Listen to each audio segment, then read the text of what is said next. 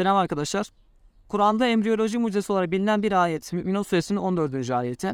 Bu ayetteki bilimsel mucize iddiasını pek çoğunuz biliyordur diyerek es geçiyor. Bilmeyenler için kısaca mucizeyi şekilde tanımlayabiliriz. Kur'an-ı Kerim Mü'minun suresinin 12 ile 14 ayetleri arasında insanın anne rahmindeki oluşumunu çok detaylı bir şekilde tanımlıyor. Ve bu da Kur'an-ı Kerim'in Allah'ın kelamı olduğunu ispat ediyor. Sonuçta biz bu bilgilerin doğruluğunu 20. yüzyılda, 21. yüzyılda keşfedebiliyoruz. Fakat Kur'an-ı Kerim ise bu bilgileri 1400 yıl öncesinden söyleyerek kendisinin Allah'ın kelamı olduğunu ispat ediyor.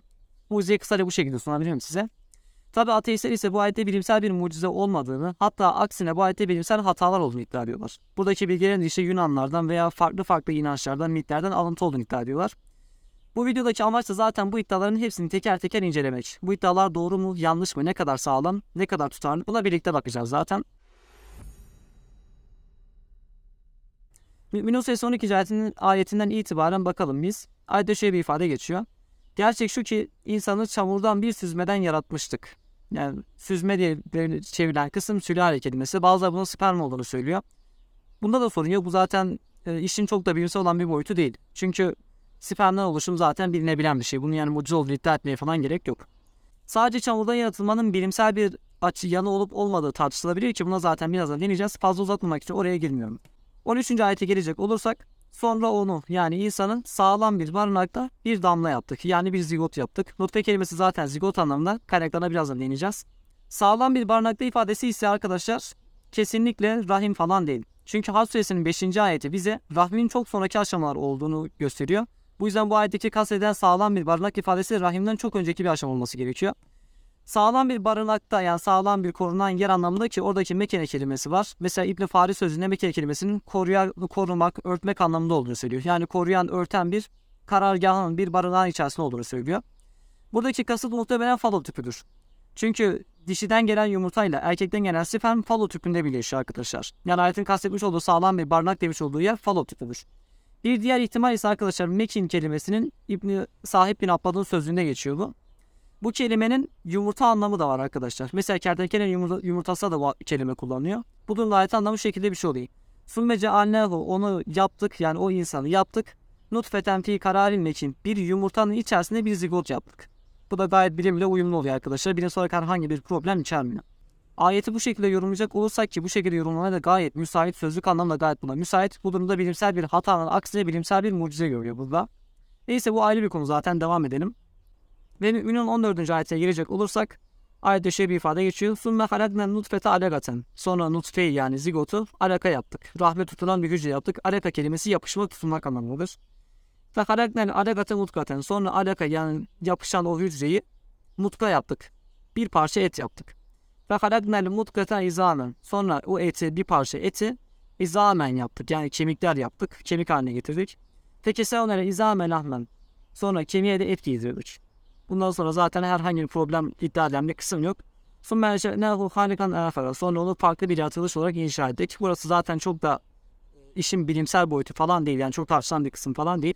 Bu ayette anlatılanları özetleyecek olsak arkadaşlar nutfeyi alaka olarak yarattık diyor. Nutfe yani o zigot rahmet tutunma aşamasına dönüşüyor. Bu da zaten bir problem yok.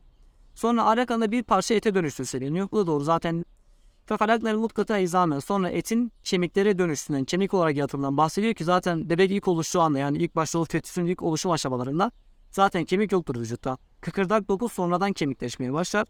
Fekese onera izame lahman sonra ete, kemiklere et giydirdik diyor. Gördüğünüz gibi ayette herhangi bir bilimsel problem yok. Şimdi ateistlerin bilimsel problem olduğunu iddia etmiş oldukları ve çarpıtma yapmış olduğumuzu söyledikleri birkaç noktaya bakalım ki birkaç dediğime bakmayın zaten iddiaların hepsinin özeti bu. Ben daha farklı bir itiraz bulamadım. En popülerinden en nadirine kadar bütün itirazları aldım. Burada toparladım hepsini. İlk itirazımız şu. Bunu zaten pek çok ateist makalesiyle gündem etmiş. Nutfeden kasıt menidir, zigot falan değildir demişler. Şimdi ben ayette ne demiştim? Bu ayette geçen nutfe kelimesi var. Nutfe kelimesi zigot demiştik. Ve bazıları ısrarla demişler ki nutfeden kasıt menidir. İlk dönemki müfessirlerden bazıları da bunu zaten meni olarak yorumlamış. Erkekten gelen su olarak yorumlamış. Az su gibisinden manalar falan vermiş. Şimdi biz bir kelimenin hem etimolojisine bakalım hem de Arapça anlamına bakalım.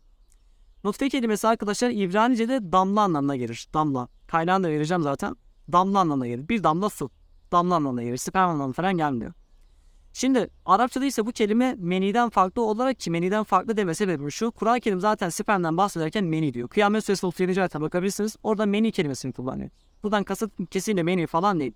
Arapçada en eski sözlüklerde ise rutubet, az su ve benzeri anlamlar verilmiş. İsfahani sözlüğünde ise nutfe değil, netafe kelimesinin ince anlamında olduğunu bahsedilmiş. İnci, inci ile biraz zaten zigotu karşılaştırdığınız zaman benzerliğini zaten görüyorsunuz. Bu yüzden ayetteki kasıt tamamen zigotla uyum içerisinde ki aslında bu kastın meni olmadığını, zigot olduğunu Kur'an-ı Kerim'in bizzat kendisi söylüyor diyebiliriz. Birkaç ayda buna bir işaret var. Bakın şimdi. Kıyamet suresinin 37. ayetinde diyor ki Elem yeku nutfeten min meniyyin yumne. O yani o insan dökülen bir meniden, hedeflenen bir meniden nutfe olmamış mıydı? Demek ki nutfe neymiş? Nutfe meniden geliyormuş. Meninin kendisiymiş. Meniden oluşan bir şeymiş nutfe. Ve Mü'minun suresinin 14. ayetinde ise nutfenin bir sonraki aşaması alaka olarak tarif ediliyor. Alaka neydi? Rahme tutunan yapışan hücre anlamındaydı. Demek ki neymiş? Rahme tutulma aşamasından önceki bir hali olması gerekiyormuş bu insanın. Bu da zaten görmüş olduğunuz gibi zigot. Yani hem Kur'an bütünlüğü açısından olsun hem kelimenin etimolojik anlamından olsun nereden bakarsanız bakın nutfe kelimesinin zigot anlamında olduğu çok belli oluyor. Görmüş olduğunuz gibi bu itiraz da geçersiz. Nutfenin sperm olduğu iddiası hem Kur'an'ın kendi ifadelerinden anlaşıldığı üzere hem de sözlük anlamdan, etimolojik anlamdan anlaşıldığı üzere tamamen geçersiz itiraz. Bu yüzden diğer itiraza geçelim. Bir ateist arkadaşımız da şu şekilde bir itirazda bulunmuş. Demiş ki ayette rahim korunaklı bir yer olarak tarif ediliyor ama ama aslında rahim çok da korunaklı bir yer falan değildir demiş. Birincisi şu, meçin kelimesinin sözlüklerde koruma anlamı dışında örten, bürüyen, saklayan anlamı falan da mevcuttu. Yani oradaki korunaklı bir yer olarak çevrilmesi aslında tamamen yorumla alakalı.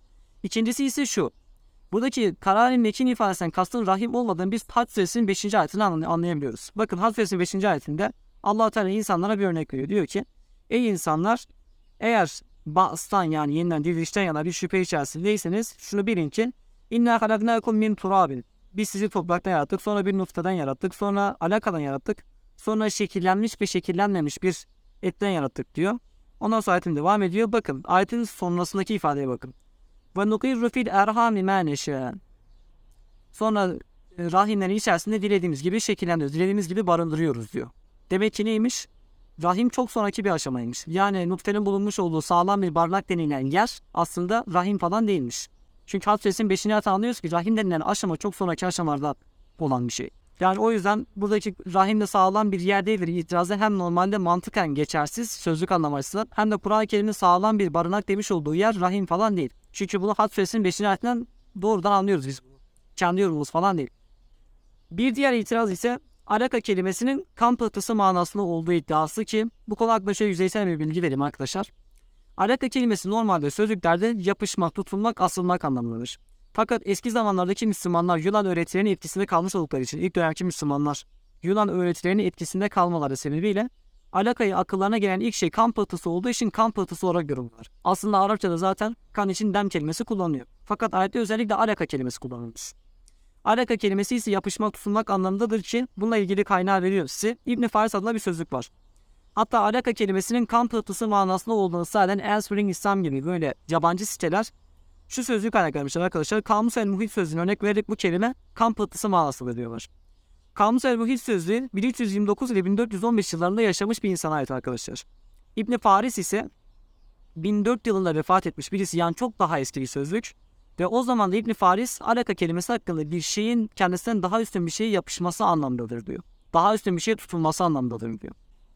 Buna ilaveten biz alaka kelimesinin ne olduğunu Kur'an'ın kendisinden öğrenelim. Nisa suresi 129. ayeti çok eşlikle alakalı olan bir ayet. Bakın bu ayette Allah diyor ki muallakatin Kel muallakat Yani onu yani o eşlerden birini muallaklı gibi bırakmış olursunuz. Yani ne demek? Eşlerden birini asılı duran bir şey bir iş gibi bırakmış olursunuz.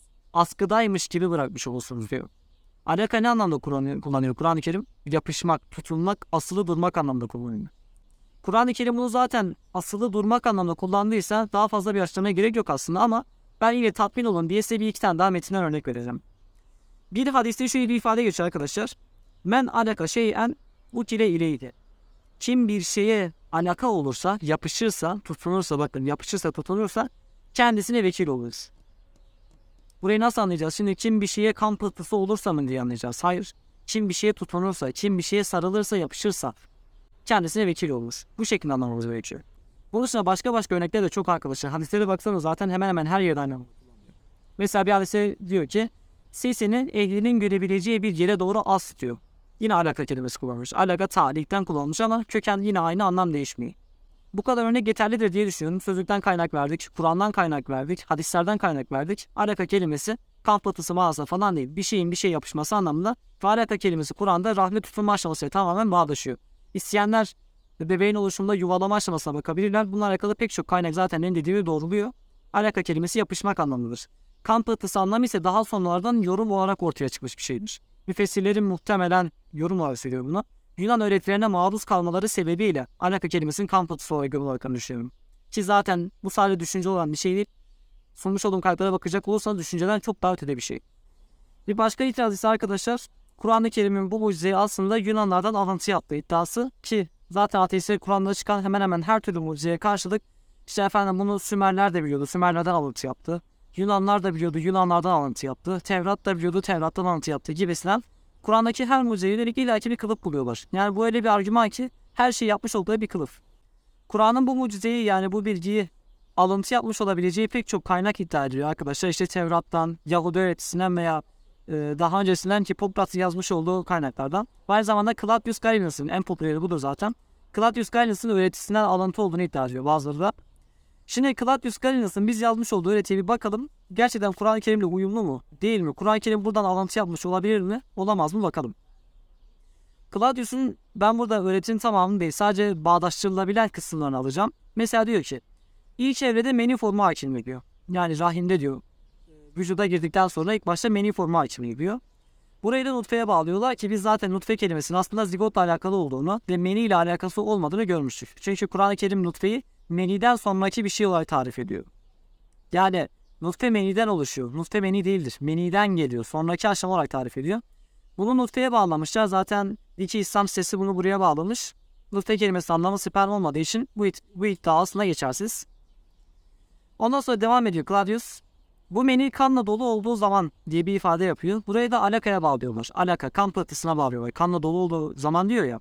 Burayı da kan pıhtısına bağlıyorlar ki biz alaka kelimesinin de kanla alakası olmadığını ve aslında yapışmak tutulmakla alakalı olduğunu görmüştük. Bu aslında şu sorunun cevabı arkadaşlar.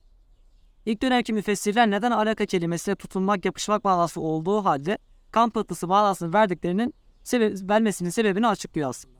Demek ki adamlar böyle bir öğretinin etkisinde kalmışlar ki alaka kelimesini Claudius'un öğretisine bağlı kalarak bağlası demişler alaka kelimesini. Yoksa alaka kelimesinin biz zaten Kur'an'da da, hadislerde de, sözlükte de kan pıhtısı bir manası alakası olmadığını görmüştük zaten. Devam edelim.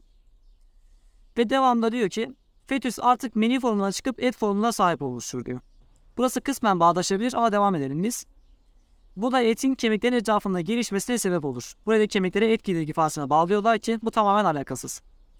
Çünkü arkadaşlar burada etin kemikleri etrafında gelişmesine sebep olur diyor ya. Gelişmiştir diyor ya. Halbuki Kerim gelişmiştir falan demiyor. Et sonradan oluşmuştur falan demiyor. Kerim diyor ki kemiklere et giydirecek diyor. Yani var olan bir et var. Bu etle kemiklerin etrafında giydirilmesinden bahsediyor. Fakat Claudius ne diyor burada? Claudius ise etin kemikler etrafında oluştuğuna, orada geliştiğinden bahsediyor. Bunu Kur'an'a bağlamak için herhangi bir sebep yok. Burası çok zorlama bir bağdaştırma olmuş. Burada bağdaşabilecek tek yer ise mutlak, mutlak kısmı arkadaşlar. Yani fetüs artık meni formundan çıkıp et formuna sahip olmuştur. Kısmındaki et formu uyumlu olabilir ki Kur'an-ı Kerim kadar detaylı bilgi vermiyor. Kur'an-ı Kerim pek çok detayına giriyor ve Kur'an-ı Kerim o kadar yanlış bilgi arasından bakın burada Claudius'un açıklamasında birçok yanlış bilgi var. Yanlış bilgi açısından sadece buradaki et formunda uyum sağlamaya başarmış kendisine. Diğer kısımlara doğru söylemeyi başarmış. Bunu nasıl açıklayacaksınız peki? Bunun dışında Kur'an-ı Kerim'e benzemiş olduğu iddia edilen Yahudi öğretilerinden, Hipokrat'ın ifadelerinden falan da bağdaştır, bağdaştırılmaya çalışan bazı ifadeler var arkadaşlar ki onları inceleyebilirsiniz. Ben zaten kaynağını vereceğim. Onlarla aslında Kur'an'la herhangi bir alakası yok. Ama ateiste illaki bağdaştırmak için zorlaya zorlaya işte efendim Kur'an burada Claudius'un alıntı yaptı. Burada ilahi öğretilerden alıntı yaptı. Burada Tevrat'taki Yahudi bilginlerinin ifadelerini alıntı yaptı falan filan. Her şeyi zaten bir kılıf buluyorlar. Ya Kur'an-ı Kerim'de bir hata bulunduğu zaman ya işte çölde yaşayan bir adam ne bilecek? İşte bir göğü görmüş bir de yeri görmüş başka bir şey bilmemiş. Adam ne bilecek ki? Diyen ateistler bu noktaya geldiği zaman her nasılsa peygamber öyle bir profil çiziyorlar ki bu adam işi gücü bırakmış Tevrat'ı okumuş, İncil'i okumuş, bütün öğretileri araştırmış, Sümerleri araştırmış, Yunan mitolojisini araştırmış, hepsini öğrenmiş. Ondan sonra bu kitabı yazmış gibi bir muamele yapıyorlar. Sizin kafanızda yaratmış olduğu o peygamber algısına bir çelişki var yani. Çelişkilidir bu. Bu bakış açısı tamamen çelişkilidir yani. Ayrıca şöyle bir şey sormak lazım. Diyelim ki Claudius'un ifadeleriyle Kur'an-ı Kerim tamamen uyum içerisinde olsaydı. Kur'an-ı Kerim'in bundan alıntı yaptığında nasıl emin olabilecektik arkadaşlar? Sonuçta herkes aynı şeyi söylemiyor ki. Kur'an-ı Kerim'in Claudius'un vermiş olduğu bilginin doğru veya yanlış olduğunu tespit edebilecek herhangi bir aleti, herhangi bir aracı falan yok. Bu sadece bir iddiadır. Doğru da olabilir, yanlış da olabilir. Kur'an-ı Kerim nasıl oluyor da burada yanlış bilgi almıyor da doğru bilgi alıyor? Bunu düşünmemiz gerekiyor her şeyden önce. Bir başka itiraz, e, bilim cahili bir arkadaşımız ismini vermeyeceğim burada. Bebek diyor daha doğduğunda kıkırdak halindedir diyor. Kur'an-ı Kerim ise kemikler oluşmuştur diyor. Yani eti kemikler olarak yarattık diyor. Etleri kemiğe çevirdik diyor Kur'an. Kur'an-ı Kerim ise daha e, bebeğin diyor kemiği olduğunu söyler diyor. Bebek daha doğduğunda bakın diyor daha kıkırdak halindedir. Şimdi Moore'un kitabında Kate Moore kitabı zaten e, biliyorsunuz çoğu popüler bir kitap zaten. Kate Moore kitabında zaten şundan bahsediyor. Vücutta yani bebeğin oluşumunda birinci kemikleşme ve ikinci kemikleşme vardır. Birinci kemikleşme anne rahmideyken başlar. İkinci kemikleşme daha 20'li yaşlara kadar devam ediyor. Bu arkadaş daha birinci kemikleşme ile ikinci kemikleşme arasındaki farkı bilmediği için kalkmış. Bebek daha doğduğunda kıkırdak halindedir, kemiği yoktur falan filan diyerek saçmalamış. E, bu bilim, bunu bilim cehaleti diyorum. Başka bir şey demiyorum. Bu itirazı aslında ele almaya da gerek yoktu da. Neyse biz devam edelim arkadaşlar. Başka bir itiraza geçelim. Belki de en önemli konulardan bir tanesi et ve kemik eş zamanda oluşur iddiası. Biliyorsunuz Kur'an-ı Kerim ne diyordu bize? Kemiklere et giydirdik diyordu. Yani kemik var, kemiklere sonradan et giydirinden bahsediyor. Bir tane ateist arkadaşımız ise demiş ki et ve kemik eş zamanda oluşur. Öyle ayrı ayrı zamanlarda oluşmaz falan demiş. Halbuki Kur'an-ı Kerim burada oluşundan falan bahsetmiyor arkadaşlar. Kur'an-ı Kerim var olan bir et var. Bu etin sonradan kemikleri kemikleri bir giysi gibi sardığını, kemikleri böyle örttüğünden bahsediyor. Peki bilim ne diyor? Bakalım. Embryology at Glance diye bir kitap var. Bu kitapta e, bayağı detaylı bir kitap. Kitapta e, uzuvların oluşumundan falan bahsederken şöyle bir ifade geçiyor. Diyor ki göç eden kas hücreleri uzuvlara doğru göç eder. Birleşir ve daha sonra uzuvların kesin kaslarını oluşturmak için ayrılan belirli kas kütlelerini oluşturur. Bakın başlangıçta bakın yine kas hücreleri var. Kas hücreleri sonra oluşur demiyor. Kur'an zaten oluşur demiyor. Kas hücreleri uzuvlar oluştuktan sonra uzuvların üzerine doğru göç ediyor ve kas kütlelerini oluşturmaya başlıyor. Aynen Kur'an'ın dediği gibi bir şey. Bakın Kur'an'ın dediği gibi kemikler kemiklere et giydirir diyor. Kemikler etrafını sarıyorlar yani. Yani ama arkadaşlar şey bir çarpma yapıyor diyor ki et ve kemik eş zamanlı oluşur diyor. Doğru. Et ve kemik aynı zamanda oluşur demedik zaten. Ama et ve kemik oluştuktan sonra kas hücreleri sonradan uzuvlara doğru göç ediyor. Bakın bunu bilimsel bir kitap söylüyor. Bilimsel bir kaynağın kendisi söylüyor bunu. Ve Kur'an nerede? Kemiklere et giydirdik. Burası gayet paralel, gayet uyum içerisinde. Ama bunu bilmeyen arkadaşlar işte et ve kemik eş zamanlı oluşur diye bakın çarpma tam burada oluşur diyerek bir algı operasyonu yapıyor. Halbuki Kur'an biz kemikleri, etleri sonradan yarattık. Ondan sonra uzuvlara göç ettirdik falan dese tamam. O zaman belki derdik et ve kemik eş zamanlı oluşuyor. Bu da bilimsel bir hatadır diyebilirdik. Ama görmüş olduğunuz gibi öyle bir durum yok. Bu ayette bilime aykırı olan bir durum yok. Aslında gayet de uyumlu bir şey. Bir başka itiraz arkadaşlar Answering İslam sitesi yapmış. Buna da ben bu da doğrudan çevirisini aldım tabii ki. Diyor ki işte makale bayağı bir uzun. Biz makale içerisindeki birçok yere zaten değindik. Birçoğuna zaten birazdan değineceğiz. O yüzden burada hepsini tek tek ele almıyorum ama önemli olan kısımlarını baz aldım. Burada diyor ki Eski Yunanların tek tek spermleri ve yumurtaları göremeyecekleri doğru olsa da bunlar sadece mikroskopla görülebilmektedir. Fakat Kur'an'da özellikle sperm veya yumurtalardan söz edilmemektedir diyor. Kur'an'da özellikle yumurta veya spermden ayrı ayrı söz edilmez diyor. Halbuki ben buna zaten değinmiştim. Karari mekin ifadesi yumurta anlamına geliyor. Orada yumurta da tamamen bağdaşabilen bir şey.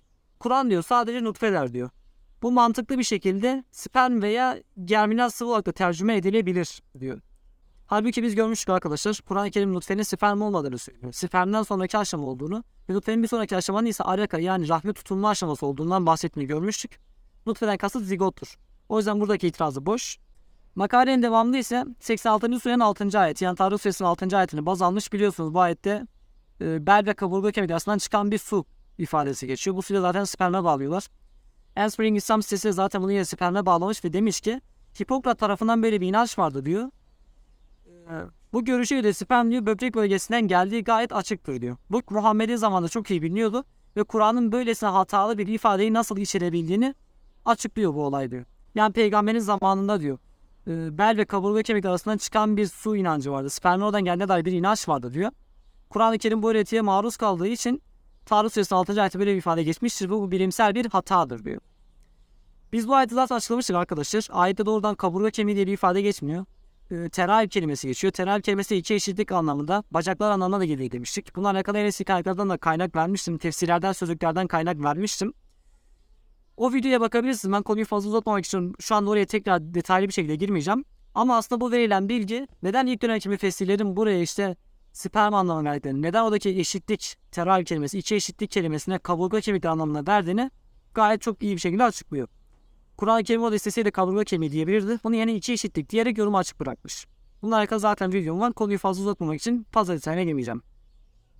Ve devam ediyor diyor ki Mutkanın çiğnenmiş et anlamına geldiği fikri kelimenin daha sonraki ve daha az doğru bir çevirisidir diyor. Çünkü bu noktada embriyo sadece 4 mm uzunluğundadır diyor. Bir lokma genişliği et için et ise diyor 20-30 mm uzunluğundadır diyor. Yani Kur'an-ı Kerim burada mutka kelimesini kullanmış bir parça et demiştir diyor. Fakat halbuki embriyo diyor bu aşamada o kadar büyük bir şey değildir diyor. Normalde bu çeviriyle alakalı arkadaşlar çünkü mutka kelimesi sözlükte et atul lahmi anlatılır. Etin bir parçası. Bir parça et yani. Buna istersen sen e, ne bileyim atom büyüklüğünde bir ette, istersen bir avuç dolusu ette, etin bir parçasıdır diyor. Bu kelimenin çiğnenmiş et anlamına geldi aslında sonradan ortaya çıkan diyorum. O yüzden bu itiraz da geçersiz çünkü Kur'an-ı Kerim'de oradan çiğnenmiş et falan demiyor. Mutka diyor. Mutka kelimesi bir parça et anlamında.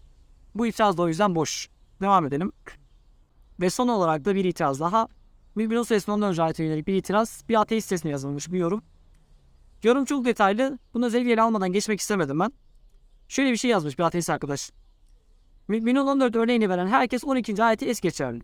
Zamanın ilkel mitoloji bilgisiyle insanlar topraktan gelip toprağa gitme anlayışını benimsiyordu. Kur'an da bunu içine almış belli ki halbuki birbirinden tamamen uzaktır diyor. Doğrudur. Eskiden pek çok inançta, pek çok e, dinde, mitolojide aslında mitolojinin hemen hemen pek çoğunda vardır. İşte Tanrı insanı yaratırken dünyanın dört bir tarafından toprak getirir. Kimisi kilden yaratır, kimisi de topraktan, çamurdan yaratır. Bu hemen hemen her türlü öğretide vardır. Yani ilahi vahyi olan her türlü öğretide hemen hemen bu vardır. Peki topraktan yaratılma birisi olarak hatalı mı? Değil. Kendisi birbirinden uzak demiş ya. Birisi olarak hatalı falan değil. Topraktan yaratılma ilk dönemki Müslümanlar tarafından şu şekilde de anlaşılmış. Mesela Fahrettin Razi. Fahrettin Razi gibi zaten filozoflar hep topraktan yaratılmayı bu şekilde anlıyormuş. Diyorlar ki bir insan nasıl oluşur, nasıl meydana gelir? Annesinden ve babasından gelen sıvılar sayesinde oluşur. Peki anne ve babanın vücudunda bu sıvılar nasıl oluşur? Yemiş olduğu gıdalar sayesinde oluşur. Yemiş olan gıdalar nereden gelir? Hayvanlardan veya bitkilerden gelir. Hayvanlar da zaten bitkilerden besleniyor. Bitkilerin de özü topraktır. Bitkiler zaten topraktan beslenir. Topraktan, sudan yani çamurdan beslenir. Bunların özü de topraktan, çamurdan gelmiş olduğu için insanın çamurdan yaratılışı aslında insanın özünün çamurdan gelmesiyle alakalıdır diyor. Yani şöyle bir silsileye bakın, bir zincire bakın. Topraktan bitki çıkıyor. Bitkiyi hayvan yiyor, hayvanı insan yiyor. İki insanın bir araya gelmesi sonucu da yeni bir insan oluşuyor. Bir insan doğum yaşayışı üstü kapalı anlatıyorum ben tabii. Burada topraktan yaratılma olayı bu şekilde anlaşılıyor. Bunu zaten pek çok filozof benimsemiş. Müslümanlardan Fahrettin Razi bir filozof ve bilim insanıdır kendisi. O da bu şekilde yorumlamış. Burada bilime uzak bir açıklama var mı? Hayır yok. Kur'an-ı Kerim zaten sadece Adem'in değil bütün insanların topraktan geldiğini söylüyor. Hani bir topraktan mı yaratıldık? Direkt hayır. Özümüz topraktan geliyor. Kur'an buna vurgu yapıyor yani. O yüzden burada bilimsellikten tamamen uzakta gibisen bir itiraz açıkçası boş bir itiraz. Devam edelim. Yorumun devamında arkadaş şunu söylemiş. Ortada mucize falan yok. Tamamen ilkel gözlemler sonucu ortaya çıkartılabilecek şeyler diyor. Ayeti almış. Sonra onu sağlam bir korunaklı nutfe haline getiriyoruz. Nasıl son 3 ayet almış. Demiş ki erkeğin dişiye sonucu dişinin rahminde bebek ortaya çıkıyor diyor. Halbuki ayette karar meki ifadesinin rahim olmadığını açıklamıştık. Hat suresi 5. ayette biz bunu çok rahat bir şekilde görüyoruz. Boşalmalardaki 9 aylık süreçte nutfenin hala hayatta kaldığını söylemek sağlam bir korunak çıkarım yapmak için yeterli diyor. Değilim zaten buradaki karar mekin ifadesi aslında rahim falan değil dedik. ispatladık. Falo tüpüyle veya yumurtayla alakası var dedik. ispatladık. Devam edelim. Ardından nutfeyi 13. ayet almış. Ardından nutfeyi döllenmiş yumurta diye parantez açmış. Alakayı rahimde asılıp beslenen embriyoya çeviriyor. Demiş ki Yine bu 9 aylık süreçte dişinin beslenmesini yavruyu etkilediğinin doğum ardına görülen bebekteki göbek bağının nutfenin beslendiğini söylemek için yeterli olduğunu düşünüyorum demiş. Burada aslında arkadaş birazcık algıya oynuyor. Yani tribünler oynuyor aslında. Çünkü nutfe kelimesi aslında zigot aşaması yani alaka kelimesi bir şey yapışmak tutmak anlamında ya. Burada beslenme anlamı falan tamamen yorum. Arkadaş sadece yorumu çıkartmak için o da işte efendim göbek bağı var ya göbek bağından beslendiği tahmin edilebilir bir şeydi diyerek kurtarmaya çalışmış. Ama tamamen boş. Bebeğin anne rahmindeyken rahmi tutunup yapışma aşamasında olduğu gözlemlenebilir bir şey mi? Tahmin edilebilir bir şey mi? Hayır. En fazla beslendiği iddia edebilirsin göbek bağından falan. Peki tutunma aşamasında nasıl bahsedeceksin gözlem olmaksızın? Yani çok kaçamak bir itiraz olmuş bu.